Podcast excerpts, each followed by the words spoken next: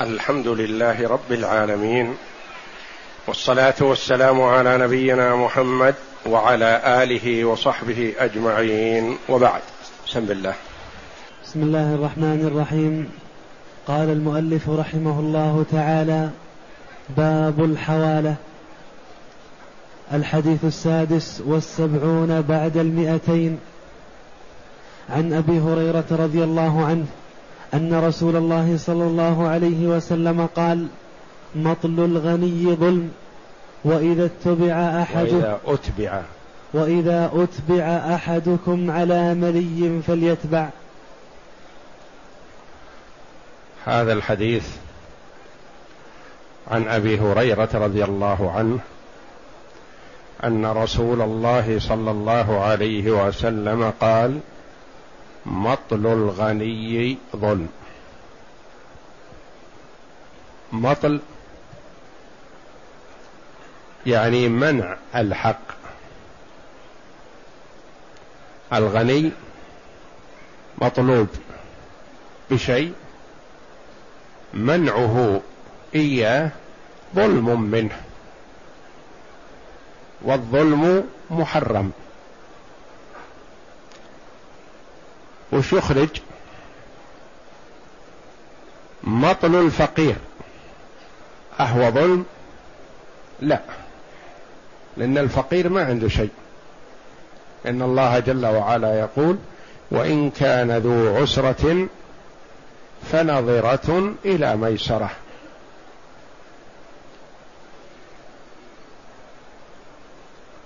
مطل الغني ظلم.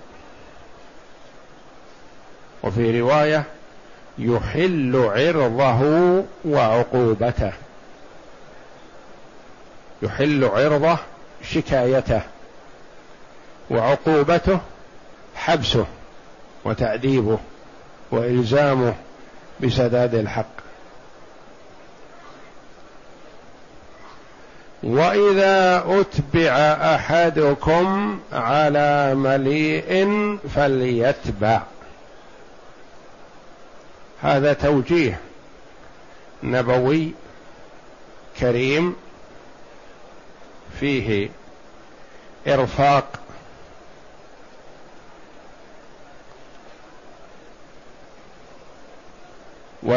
وتسهيل للمسلم وإذا أتبع أحدكم على ملي.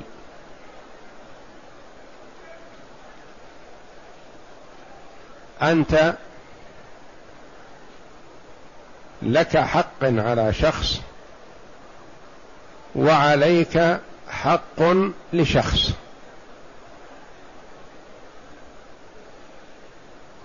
فتوفير للوقت والجهد وتسهيل للأمور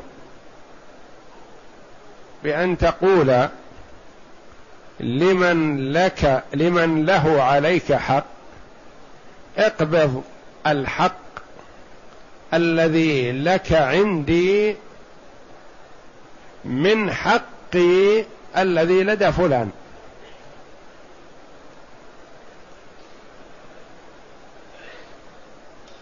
هذا لا يخلو من أحوال.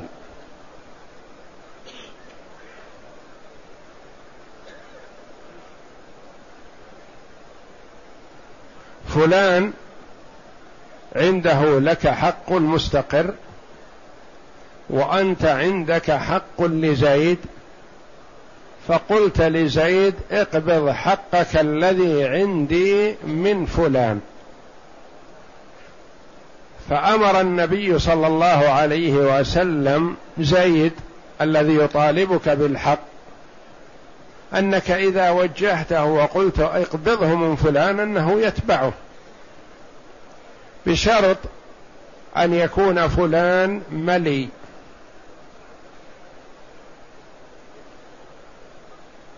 أما إذا كان غير ملي فلا يلزمه. لأنه إذا كان غير ملي قد يكون عرضة لتضييع حقه. فلان مثلا غير ملي. وأنواع الملاءة. يعني مليء في ماله مليء في بدنه مليء في قوله. إذا أحلت على من هذه صفته فتقبل الحوالة. لأن فيه حرص على براءة ذمة الأول ونقل الدين من ذم من لك من ذمة الأول إلى ذمة الآخر. بدل ما هي الذمتان مشغولتان أنت تطالب زيد وزيد يطالب عمرو فذمة زيد مشغولة بحقك أنت وذمة عمرو مشغولة بذمة بحق زيد. فتخفيف بأن يكون أنت تطالب عمرو من أول مرة وتبرأ ذمة زيد بإحالته إياك بالحق الذي لك. لكن بشرط أن يكون الذي تحال أنت عليه ملي. فإذا كان غير ملي فأنت ما ترضى.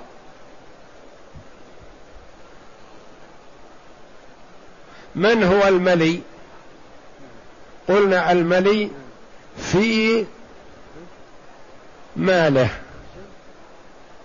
وفي بدنه وفي قوله. إيش معنى ملي في ماله؟ يعني يقدر على التسديد عنده سداد.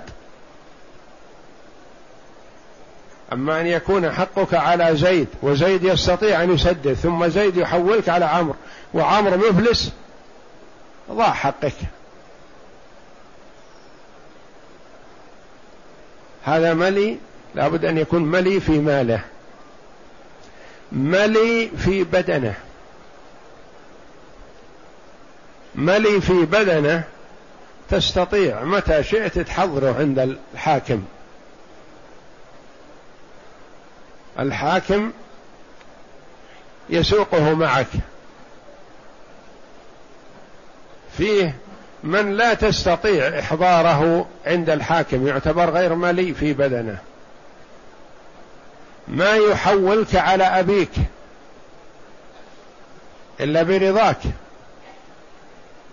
لأن أباك وإن كان غني في ماله لكن ليس ملي في بدنه ما تستطيع تحضره. عند الحاكم تخاصم أباك. ما يجوز لك. ولو جئت إلى القاضي قلت أريد ورقة لأبي ليحضر معي قال لا. ما أعطيك ورقة لأبيك. ما يجوز أن يحضر الأب مع الإبن إلا إن حضر بطيب خاطر منه ليشرح ما بينهما من خلاف أمام القاضي فلا بأس. لكن يأتي الولد يقول حضروا لي أبي نقول لا. ما يجوز لنا أن نحضر لك أباك. جئت تطلب إحضار شخص كبير أمير أو رئيس أو نحو ذلك. هذا قد يكون ملي في بدنه في ماله لكن ما هو ملي في في بدنه. ما يحضر معك أمام القاضي. يمتنع. ولا قد لا يستطيع أحد أن يجبره. هذا غير ملي الثالث أن يكون ملي في ماله عنده مال وملي في بدنه. يستطيع إحضاره عند القاضي لكن غير ملي في قوله مماطل ويعد ويخلف ولا يصدق. فهذا ما يلزمك قبول الحوالة عليه لأنه يفوت عليك حقك. أن تقول حقي عندك يا زيد ولو صبرت عليك شهرا أو شهرين أحب إلي من أن تحيلني إلى رجل كذاب. يعد ولا يخلف ويعد ولا يصدق يخلف في وعده. فلا يلزمك أن تقبل الحوالة على من هذه صفته.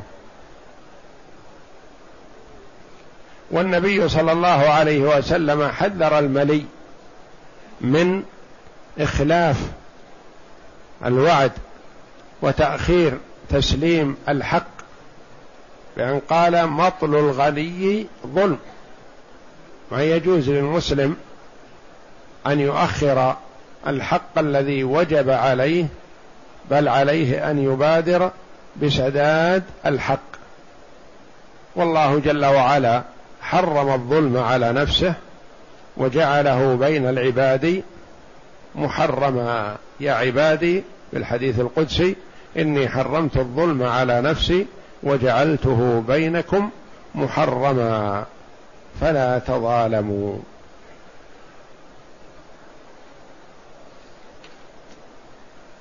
والحوالة قيل هي من بيع الدين بالدين الممنوع لكنها مستثنات والصحيح أنها ليست من بيع الدين بالدين لأنه ليس فيه بيع ولا شراء وإنما فيه إرفاق. بدل ما أنا أذهب آخذ حقي من فلان وأنت تتكلف وتأتي تأخذ الحق الذي عندي لك يكون الذاهب واحد منا يأخذ الحق ويستوفيه لنفسه ويستهي وينتهي. ولا بد أن يكون الحقان من نوع واحد. دراهم أو ذهب أو طعام محدد معين كذا صاع من البر كذا صاع من الشعير. كذا صاع من التمر. ولا بد أن يكون الحقان ثابتان في الذمة. بخلاف أن تقول لشخص ما اذهب واستلم الحق الذي عند فلان لي وأعطني إياه. هذا توكيل. توكيل في القبض وليس حوالة.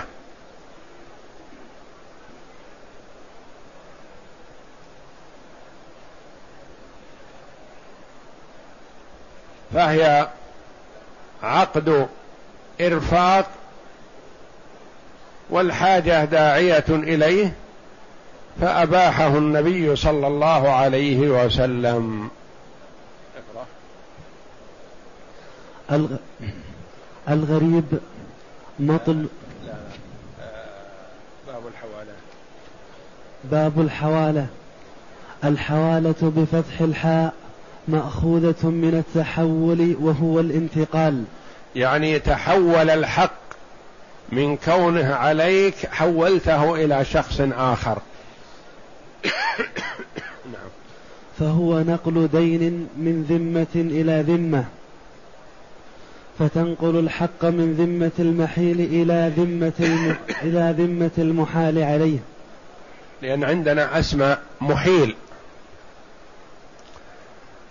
ومحال ومحال عليه. ثلاثة أسماء.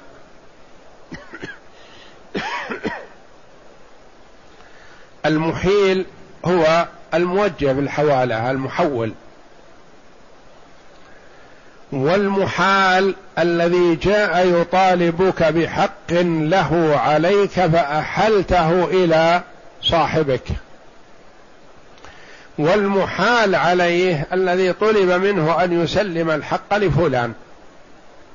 محيل ومحال ومحال عليه وحوالة التي هي الفعل. نعم. وهي ثابتة بالسنة كهذا الحديث وبإجماع كهذا الحديث إذا أتبع أحدكم على مليء فليتبع. نعم. وبإجماع وبإجماع العلماء.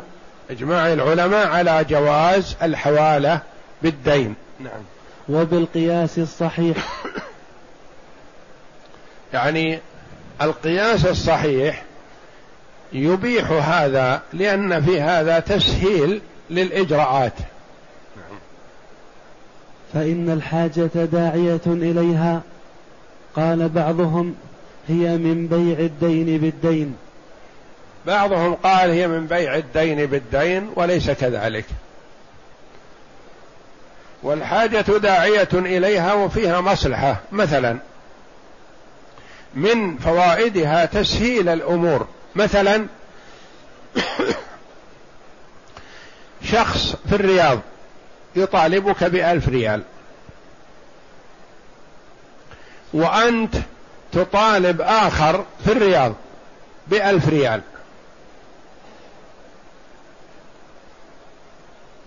هل من المصلحة أن يأتيك اللي في الرياض إلى مكة ليستلم الألف؟ ثم أنت تذهب من مكة إلى الرياض لتستلم ألفك الذي عند صاحب الرياض؟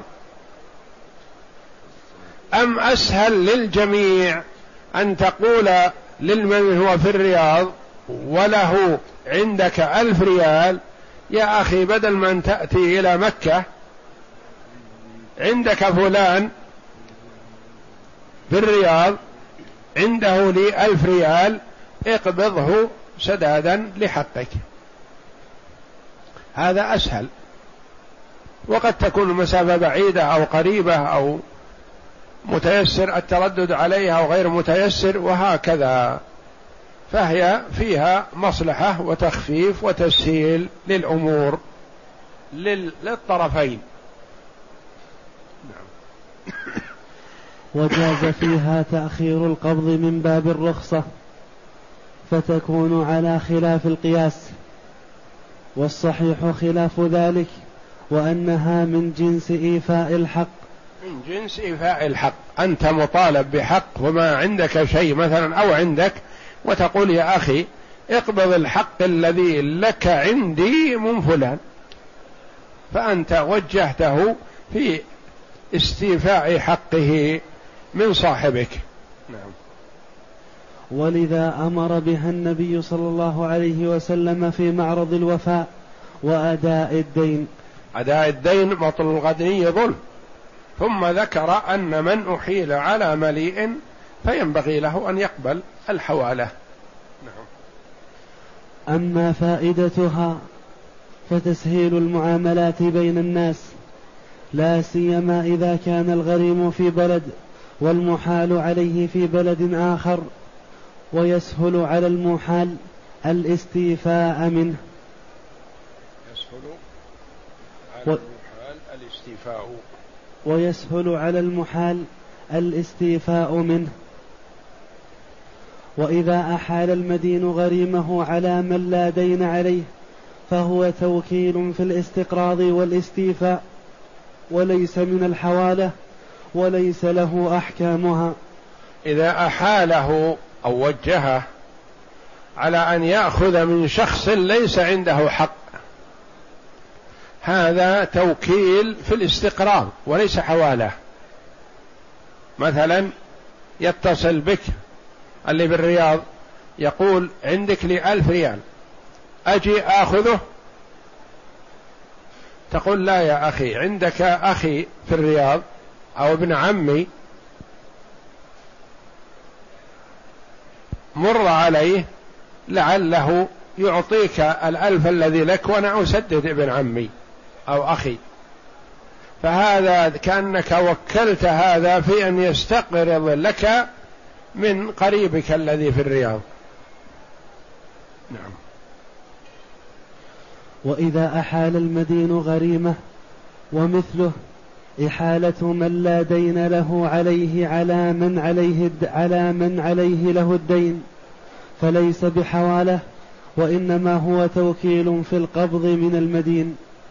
وإذا أحال من لا دين له عليه أنت وجهت شخص ما يطالبك بشيء. شخص في الرياض مثلا يريد أن يأتي إلى مكة فتقول له يا أخي قبل أن تأتي إلى مكة مر على فلان عنده لي ألف ريال خذه وأحضره معك. هذا ماذا نسميه حوالة؟ لا. هذا توكيل في القبض. يعني وكلت هذا الذي يريد التوجه إلى مكة بأن يقبض لك المبلغ من فلان ليحضره لك. الأول توكيل في الاستقراض وهذا توكيل في الاستيفاء يعني وكلته يستوفي لك حقك. نعم. ولهذا قيد قبولها بكون المحال عليه مليئا.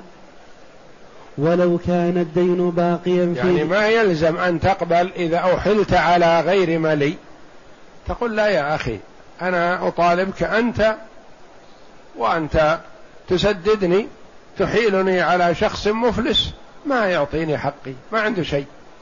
أو تحيلني على مماطل ما يعطيني شيء.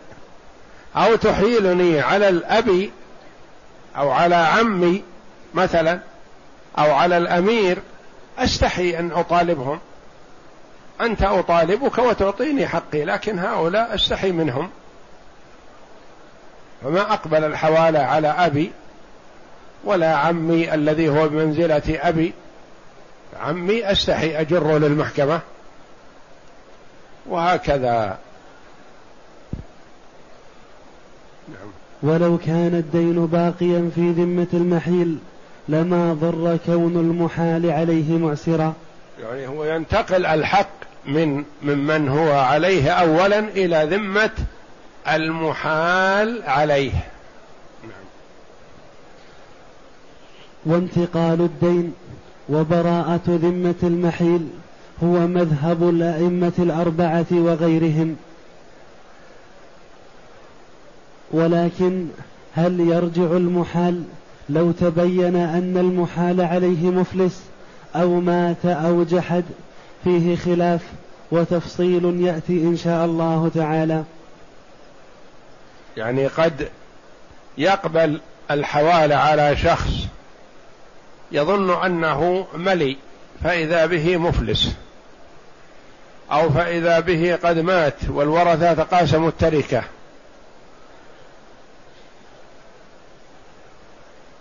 أو إذا به يجحد الحق الذي لصاحبه الذي هو في ذمته له. ففي هذه الأحوال محل خلاف. هل يرجع على صاحبه الأول أو يبقى يطالب هذا حسب ما يثبت له شرعا. اختلاف العلماء. أجمع العلماء على اعتبار رضا المحيل في الحوالة. واختل... الأطراف ثلاثة. المحيل والمحال والمحال عليه. ثلاثة. أجمع العلماء على رضا المحيل. يعني ما يجوز أن يجبر المحيل بالإحالة وهو غير راضي. لابد أن يكون عن رضا منه. وكثير من العلماء اشترط رضا المحال لأنه هو الذي سيتعب بأخذ الحق أو لا يتعب. وبعضهم يرى رضا المحال عليه. بعضهم وهم قليل يشترط رضا المحال عليه لأن أحيانا المحال عليه يقول أنا أعترف لك أنت يا زيد بحقك لكن لا تحول علي فلان. فلان يطرق علي الباب منتصف الليل ويأتيني في الصباح ويأتيني في المساء ويتعبني وإنسان جري وقد يشتكيني لأول مرة. فأنا ما أرضى أن تحيل علي فلان. فبعض العلماء يشترط رضاه وبعض العلماء لا يشترط رضاه. ما دام الحق ثابت في ذمته فهو رضي أو لم يرضى. أجمع العلماء على اعتبار رضا المحيل في الحوالة واختلفوا في اعتبار رضا المحال والمحال عليه. فذهب أبو حنيفة إلى اعتبار رضاهما لأنها معاوضة يشترط لها الرضا من الطرفين فهما طرف والمحيل هو الطرف الآخر. المحيل طرف والإثنان المحال والمحال عليه الطرف الآخر. وأبو حنيفة رحمه الله يشترط رضا الثلاثة. نعم. ولكون الرضا معتبر عندهم فإنهم لا يرون الحديث لا يروون الحديث على ظاهره فيفيد الوجوب وإنما يروون أن الاتباع مستحب ومندوب. وإنما يرون أن الاتباع مستحب ومندوب. يقول لا يلزم المحال أن يتبع ذاك وإنما يستحب له من باب التسهيل على أخيه. نعم. وذهب الإمام أحمد وأتباعه والظاهرية وأبو ثور وابن جرير إلى أن الأمر للوجوب إبقاء للحديث على ظاهره وأنه يتحتم على أن من أحيل بحقه على ملي أن يحتال.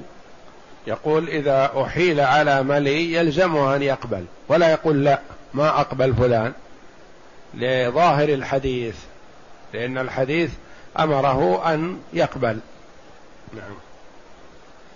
فإن كانت الحوالة على غير مليء فعند الظاهرية أنها حوالة فاسدة لا تصح لأنها لم توافق محلها الذي ارتضاه الشارع وهو وهو الملاءة.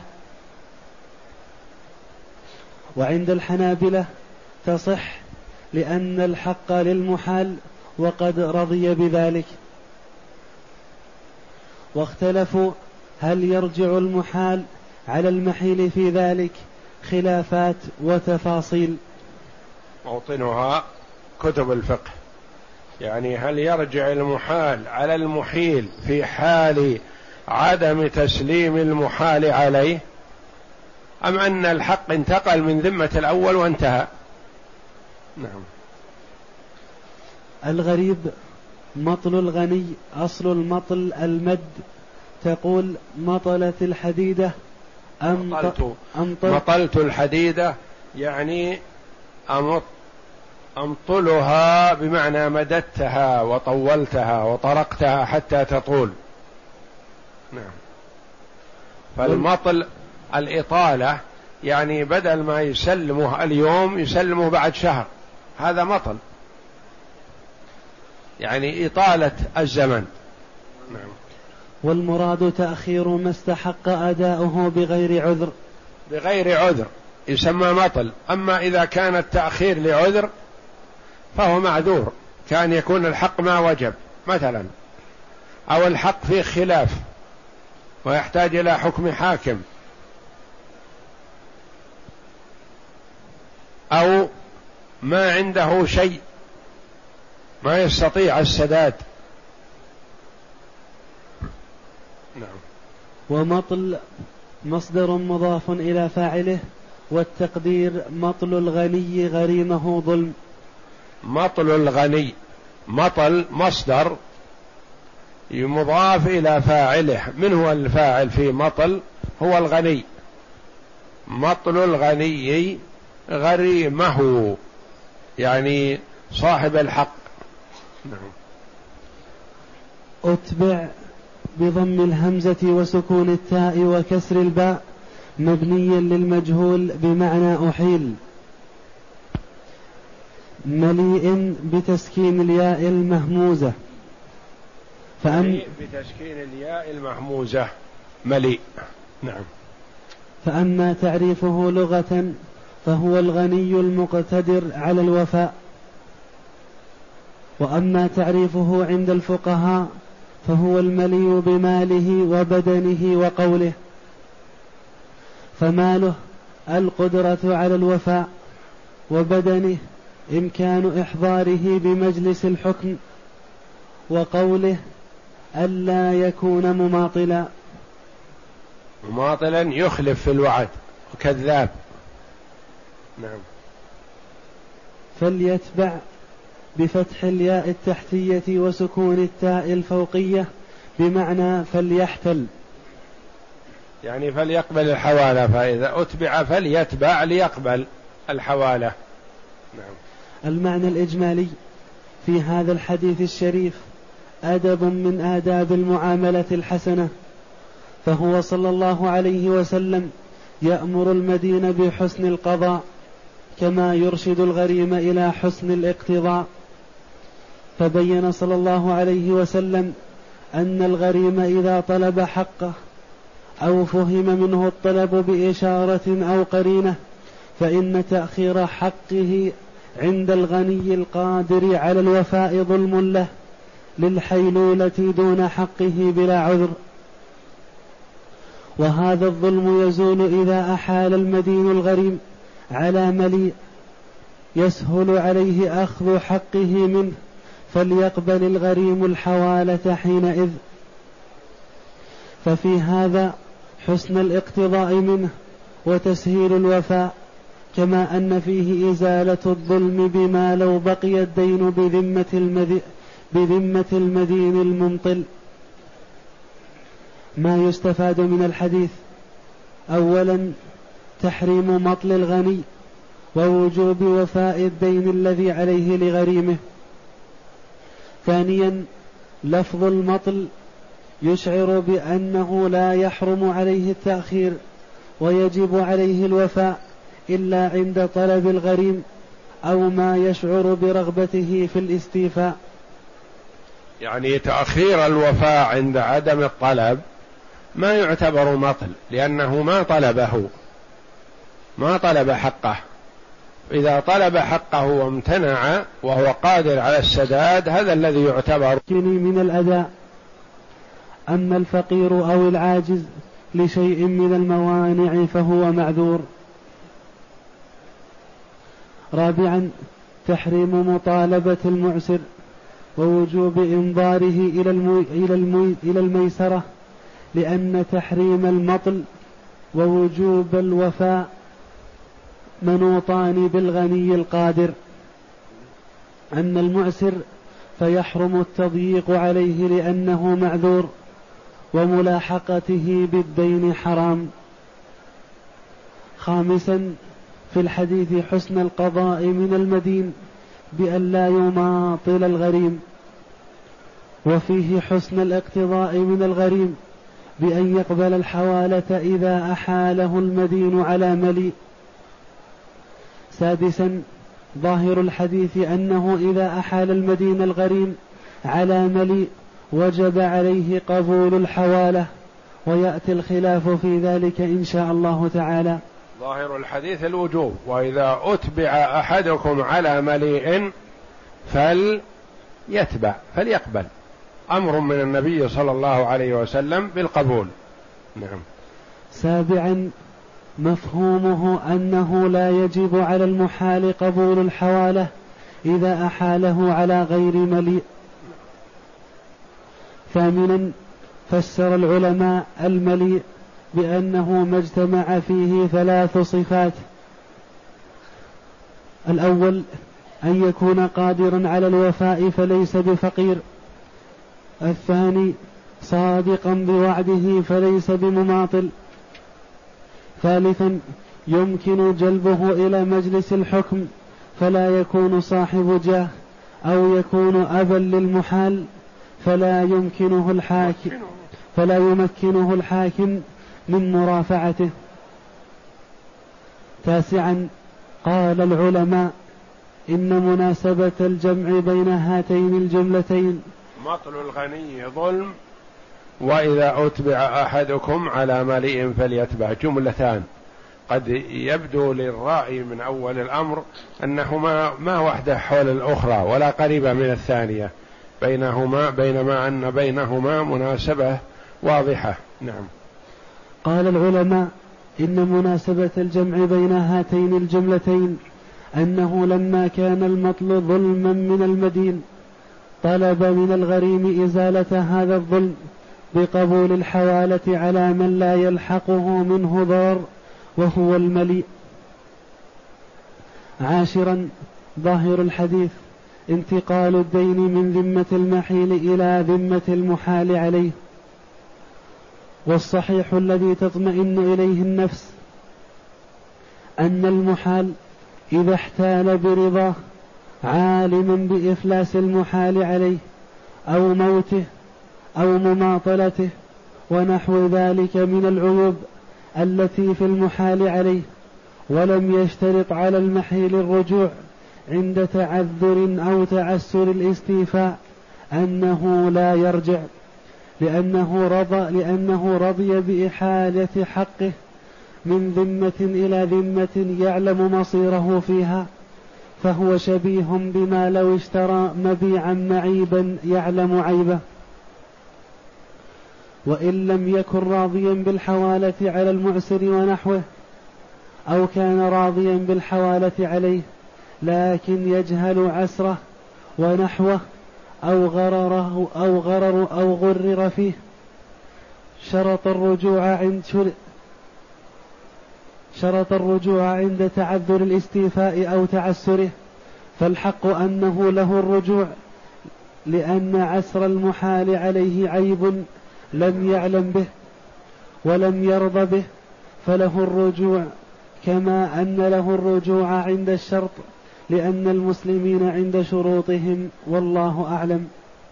والله أعلم وصلى الله وسلم وبارك على عبده ورسول نبينا محمد وعلى آله وصحبه أجمعين.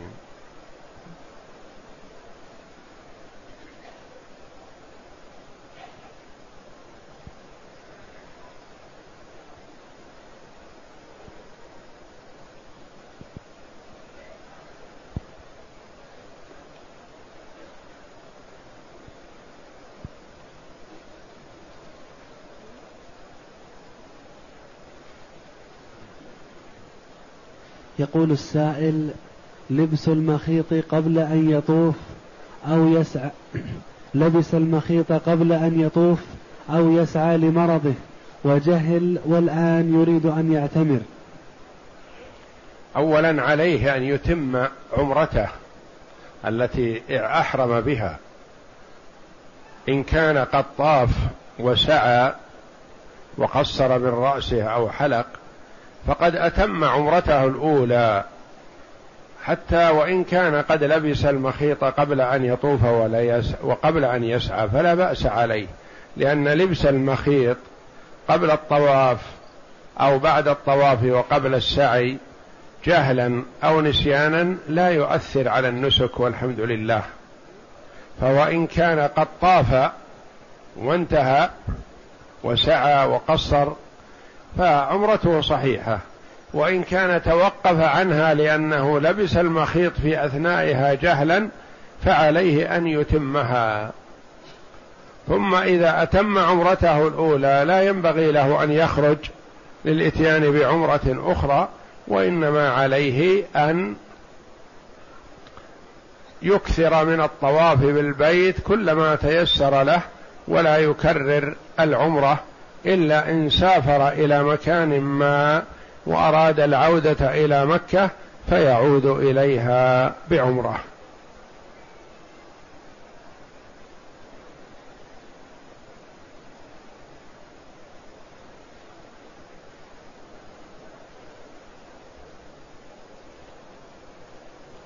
يقول السائل رجل طاف بالبيت ثم سقط عليه الرداء ولم يجده. هل يصح سعيه بدونه؟ سعيه صحيح.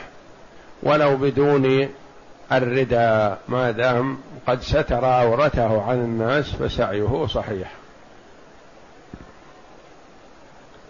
يقول السائل هل تقليم الأظافر ينقض الوضوء؟ تقليم الأظافر لا ينقض الوضوء والحمد لله.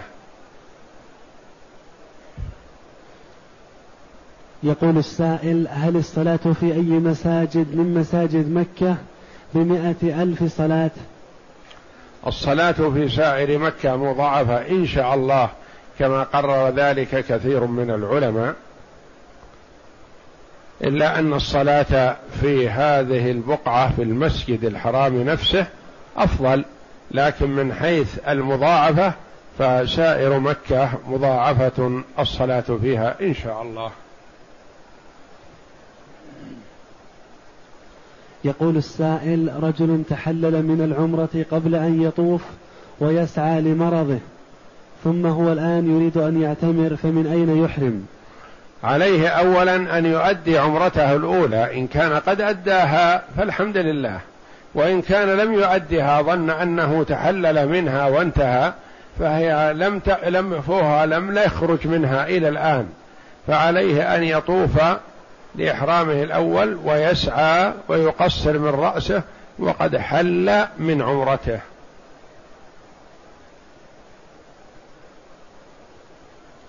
يقول السائل ما حكم إسبال الثياب والسراويل؟ يحرم على المسلم أن يسبل ومن جر ثوبه خيلا لا ينظر الله إليه فالإسبال حتى وإن تجرد من الخيلاء فهو ممنوع ولا يجوز وإن اقترن بالخيلاء والعظمة والتعاظم على الناس فذلك أشد تحريما.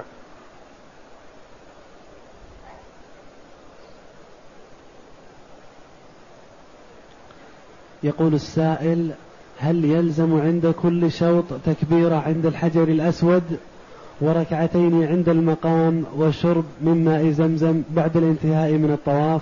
لا يلزم عند كل طواف لا الإشارة ولا التكبير عند الحجر الأسود ولا صلاة ركعتين ولا الشرب من ماء زمزم. كل هذا ليس بلازم.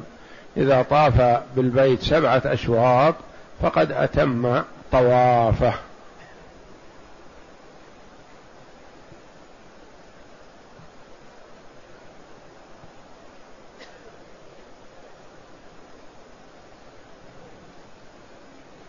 يقول السائل ما قولكم بمن يقول إن في الصحابة خلل في التربية؟ هذا الذي يقول في الصحابة خلل في التربية هذا هو الذي عنده الخلل الكامل في التربية. هذا هو الجاهل وهو الظالم لنفسه. الصحابة رضي الله عنهم من الذي رباهم وعلمهم؟ هو المصطفى صلى الله عليه وسلم أفضل الخلق. ومن الذي ربى المصطفى وعلمه وأدبه؟ الله جل وعلا. يقول أدبني ربي فأحسن تأديبي. وقال جل وعلا وإنك لعلى خلق عظيم. خلق لا ينال. وهو الذي علم الصحابة ورباهم وأدبهم عليه الصلاة والسلام. يشجع من يستحق التشجيع. ويؤنم من يحق التأنيب من يستحق التأنيب. ويهجر من يستحق الهجر وأدبهم أحسن الأدب وأفضله.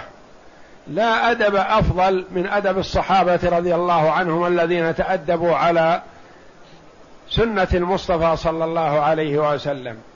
أيريد المتأدب بالتربية أو الأدب الذي تأدب على يد الفرنج والكفار والضلال أم على طريقة المبتدعة والخارجين عن الدين هذا جهل والذي يتهكم أو يتعرض للصحابة رضي الله عنهم وأرضاهم هذا ضر نفسه ولا الصحابة لا يضرهم ذلك. الصحابة رضي الله عنهم رضي الله عنهم في كتابه العزيز. فمن يسخط عنهم فقد تنقص رضا الله جل وعلا عن الصحابة رضي الله عنهم. الصحابة خير الأمة. واختارهم الله جل وعلا لصحبة نبيه صلى الله عليه وسلم. وأوائل الصحابة أفضل من أواخرهم بكثير.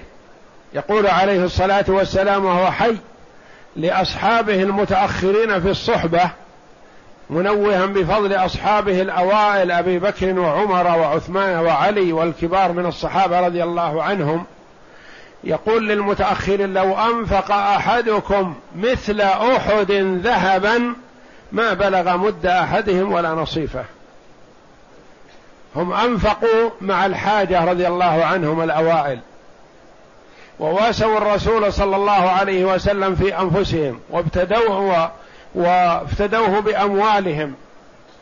وبذلوا أنفسهم رخيصة من أجله صلى الله عليه وسلم. هذا أبو بكر الصديق رضي الله عنه يمشي مع الرسول أحيانا يمشي أمامه وأحيانا يمشي خلفه وأحيانا يمشي عن يمينه وأحيانا يمشي عن يساره.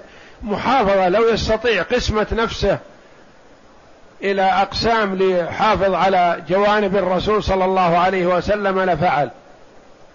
فقيل له لما؟ قال أخشى أن يأتي العدو من الأمام فأبي الضربة تكون بي أول قبل الرسول. أو يجي من الخلف فتكون فيا أو يأتي عن يمين.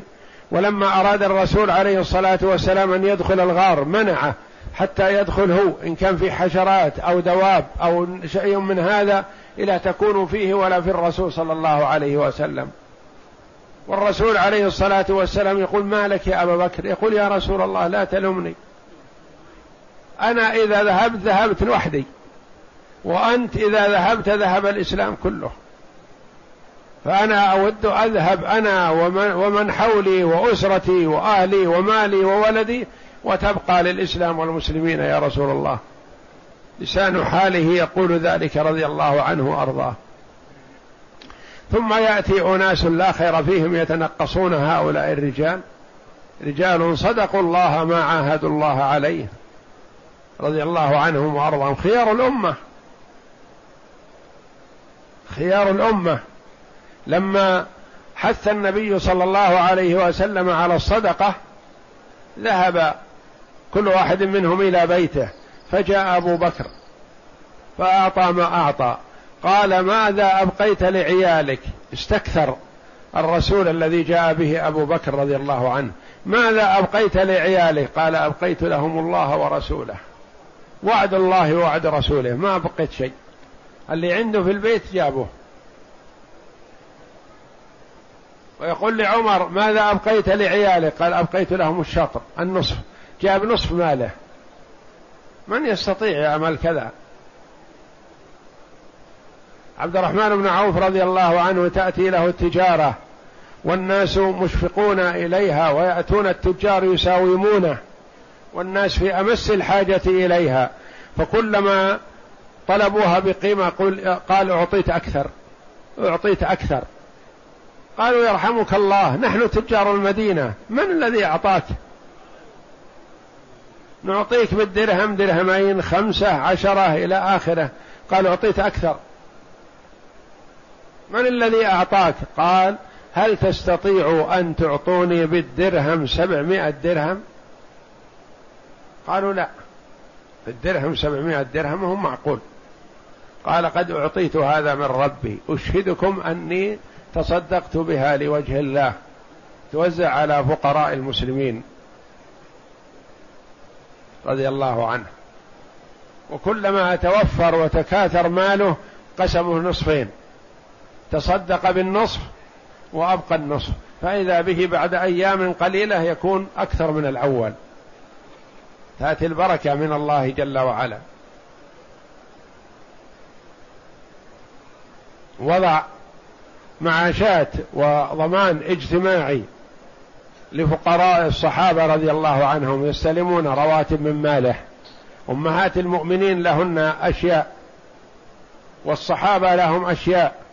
وممن أوصى له من ضمن من أوصى له عثمان وعثمان الخليفة أمير المؤمنين.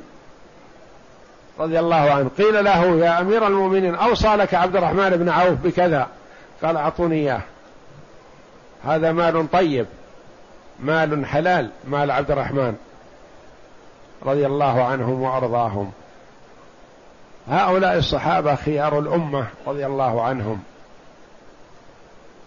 كانوا كل واحد منهم يفدي الرسول صلى الله عليه وسلم بما يستطيع. أحدهم يأتي إلى فراشه من المهاجرين والأنصار رضي الله عنهم يأتي إلى فراشه لينام ثم يخطر في باله يقول أنام أنا وأنا مرتاح ولا أدري ماذا يحصل للنبي صلى الله عليه وسلم. يمكن يأتيه ناس من المنافقين يمكن يأتيه ناس من الكفار وهو في بيته وحده فيأخذ سلاحه ويذهب. يدور ويحوم حول بيوت أمهات المؤمنين للحراسة. وربما حرك سلاحه قليلا لأجل أن يسمعه النبي صلى الله عليه وسلم فيرتاح ويطمئن عليه الصلاة والسلام. وهو ما يقول تعالوا احرسوني. اتكل على الله. لكن الصحابة من محبتهم له يخافون أن يأتيه منافق أو فاجر أو كافر في الليل يفتك به والصحابة ما يدرون. إذا ذهب عنهم قليل كان معهم في المسجد وذهب قليل لحاجة من الحاجات فابطا عليهم انطلقوا. واحد يمين واحد شمال واحد شرق واحد غرب. يبحث عن النبي صلى الله عليه وسلم لا يكون اختطف دونهم من شدة محبتهم له. إذا بصق البصاق ما ينزل في الأرض يتسابقون يختطفونه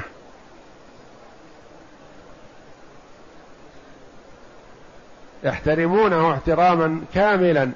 رضي الله عنهم وأرضاهم وهو يستحق ذلك. ثم يأتي الجاهل الذي لا يفكر فيما يقول يقول الصحابة ينقصهم التربية. هذا هو الذي فقد التربية كلها والعياذ بالله. فعليه أن ينظر في نفسه ويراجع نفسه ويتوب إلى الله جل وعلا. وإلا فإنه لا يضير الصحابة الكلام فيهم بل قد يكون خيرا لهم زيادة في حسناتهم. لحكمة يريدها الله جل وعلا لتستمر حسناتهم إلى يوم القيامة يتعرض لهم الأشقياء.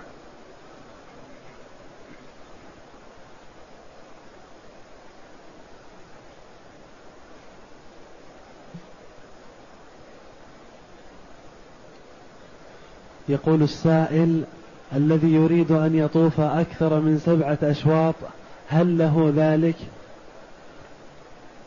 نعم له ذلك لكن ما يطوف ثمانية أو تسعة؟ لا يطوف سبعة ثم يجدد النية ليطوف سبعة أخرى ثم يطوف سبعة ثالثة وهكذا. يعني كل طواف يكون سبعة أشواط. وقد ورد أن عائشة رضي الله عنها كانت تطوف سبعة ثم تطوف سبعة ثم تطوف سبعة. لأنها رضي الله عنها كانت لا تحضر للمسجد إلا في الليل حينما يرتفع الناس في بيوتهم ويكون الظلام. لأنها لا تحب أن تخالط الرجال رضي الله عنها وأرضاها.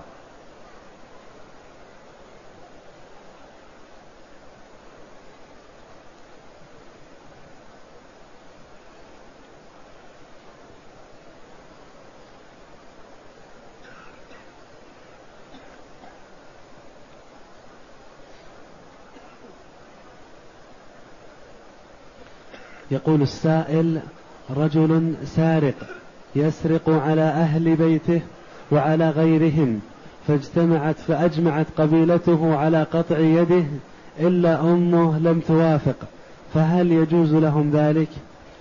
ما يصح أن يكون قطع اليد من قبل القبيلة وإنما ما يتم إلا بحكم الحاكم الشرعي إذا توفرت أسباب وشروط القطع تقطع يده ولو لم ترضى أمه. وإذا لم تتوفر فلا تقطع يده. ولا يجوز لأفراد القبيلة أن يحكموا أو يقولوا فلان يقال له كذا وفلان يعمل به كذا. وإنما ينظر إلى قول الحاكم الشرعي.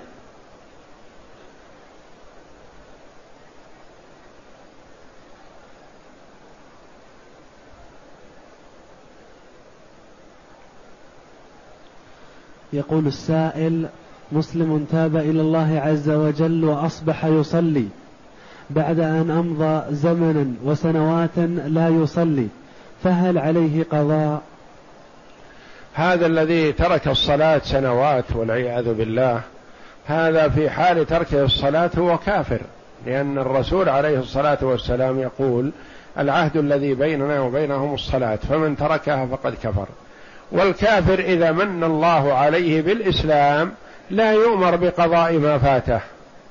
فالذي ترك الصلاة وقتا طويلا تاركا لها متعمدا والعياذ بالله جاحدا لوجوبها أو تاركها تكاسلا وتهاونا هذا عليه أن يحمد الله جل وعلا الذي من عليه بالتوبة قبل الممات وعليه أن يجتهد في الأعمال الصالحة.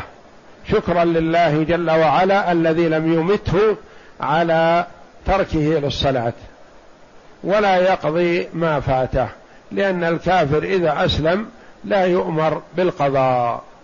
أما من ترك الصلاة وقتا أو وقتين أو خمسه أو أسبوع ونحوها مثلا يرى أنه معذور ثم أراد أن يقضي فهي نعم يجب عليه أن يقضي ما فاته لأن هذا غير محكوم بكفره. ولا يجوز للمسلم أن يؤخر الصلاة عن وقتها ابدا ما دام العقل باق. فإذا ذهب العقل سقطت التكاليف الشرعية كلها سوى المالية. المالية ما تسقط. الحقوق التي عليه من مال ما يسقط. النفقة على من حوله تجب عليه. زكاة ماله إذا كان له مال وإن كان مخرف أو غير بالغ أو صغير تخرج زكاة ماله يخرجها وليه.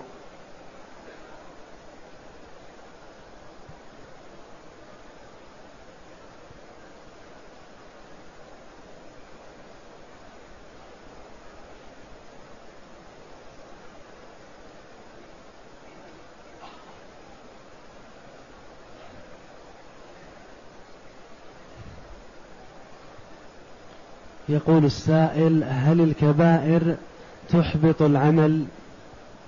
لا الكبائر ما تحبط العمل. الذي يحبط العمل والعياذ بالله الشرك. أما المسلم مهما وقع فيما يقع فيه من الكبائر فلا يقال حبط عمله. الله جل وعلا يقول ولقد أوحي إليك وإلى الذين من قبلك لئن أشركت ليحبطن عملك ولا تكونن من الخاسرين. رجل مثلا يحافظ على الصلاة لكنه وقع في شيء محرم. ما يقال بطلت صلاته. رجل مثلا يصلي ويصوم لكنه فعل فعلة مخلة. كان حصل منه زنا أو سرقة أو شرب الخمر. ما يقال حبط عمله. لا هذا ما يجوز لأن هذا قول الخوارج. والغلاة يقولون المسلم إذا وقع في الكبيرة كفر ولهذا حملهم هذا على تكفير بعض الصحابة رضي الله عنهم. وبعض المبتدعة يقولون لا نقول كافر ولا نقول مسلم وإنما بالمنزلة بين المنزلتين. ثم هو في الدار الآخرة خالد مخلد في النار والعياذ بالله. وهذا جهل وضلال وخطأ. وإنما المسلم مسلم ما دام يشهد أن لا إله إلا الله ويؤدي أركان الإسلام وإن وقع فيما وقع فيه من الكبائر إلا أن عليه خطر. عليه خطر قد تجره كبائر هذه إلى الكفر والعياذ بالله. أو يختم له بخاتمة سيئة لكن أن يحكم بكفره وهو يصلي ويصوم ويقوم بال بأركان الإسلام إلا أنه حصل منه هفوة سرق أو زنى أو شرب الخمر أو نحو ذلك فلا يقال له كافر.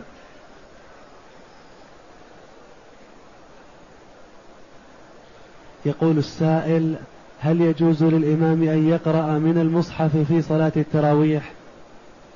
نعم. يجوز للإمام أن يصلي في صلاة التراويح بالمصحف إذا لم يكن حافظا لكتاب الله فيجوز له أن يصلي بالمصحف. فقد ورد أن لعائشة رضي الله عنها إمام يصلي بها التراويح يقرأ من المصحف.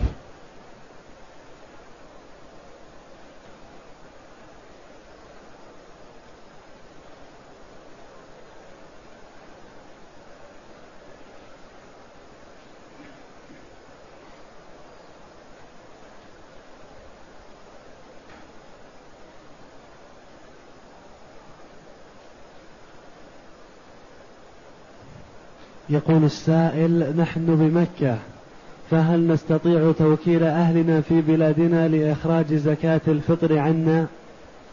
نعم يجوز أن توكل أهلك في إخراج صدقة فطرك أنت كما يخرجون صدقة فطرهم. ويجوز لك أنت هنا أن تخرج صدقة الفطر عنك وعن أهلك الذين هم في أي مكان من العالم. والأفضل أن تخرج أنت صدقة الفطر في المكان الذي أنت فيه وأهلك يخرجون صدقة فطرهم في المكان الذي هم فيه. الأفضل أن صدقة الفطر تخرج عن الشخص في المكان الذي هو فيه فإن أخرجت في غيره فلا بأس. يقول وإذا كنا سنخرجها في مكة فما هو المقدار وهل نخرج رز أو تمر؟ تخرج الأفضل أن تخرج الشيء المرغوب فيه. الشيء الذي يرغب فيه الفقير تخرجه ولا تخرج دراهم وإنما تخرجها من البر أو من التمر أو من الشعير أو من الزبيب أو من العقد أو من الأرز ونحوها الشيء المطعوم والذي يفضله الفقير هو الأفضل. ولا تخرج دراهم. ومقدارها صاع بالصاع النبوي وهو معروف عند الباعة الآن. الكثير منهم يضع مقدار الفطرة في كيس في قرابة كيلوين ونصف وإذا أخرجها ثلاثة كيلو أو أكثر فهو أفضل. لأن الزيادة في صدقة الفطر والصدقات كلها تؤجر عليها. يكون الواجب بقدره وما زاد فهو تطوع. مثلا الشخص صدقة فطره صاع مثلا بمقدار كيلوين ونصف تقريبا. مثلا أخرج كيس كامل خمسة وأربعين كيلو صدقة فطره. فهذا حسن لأن صدقة الفطر معروف قدرها. وما وما زاد عن القدر فهو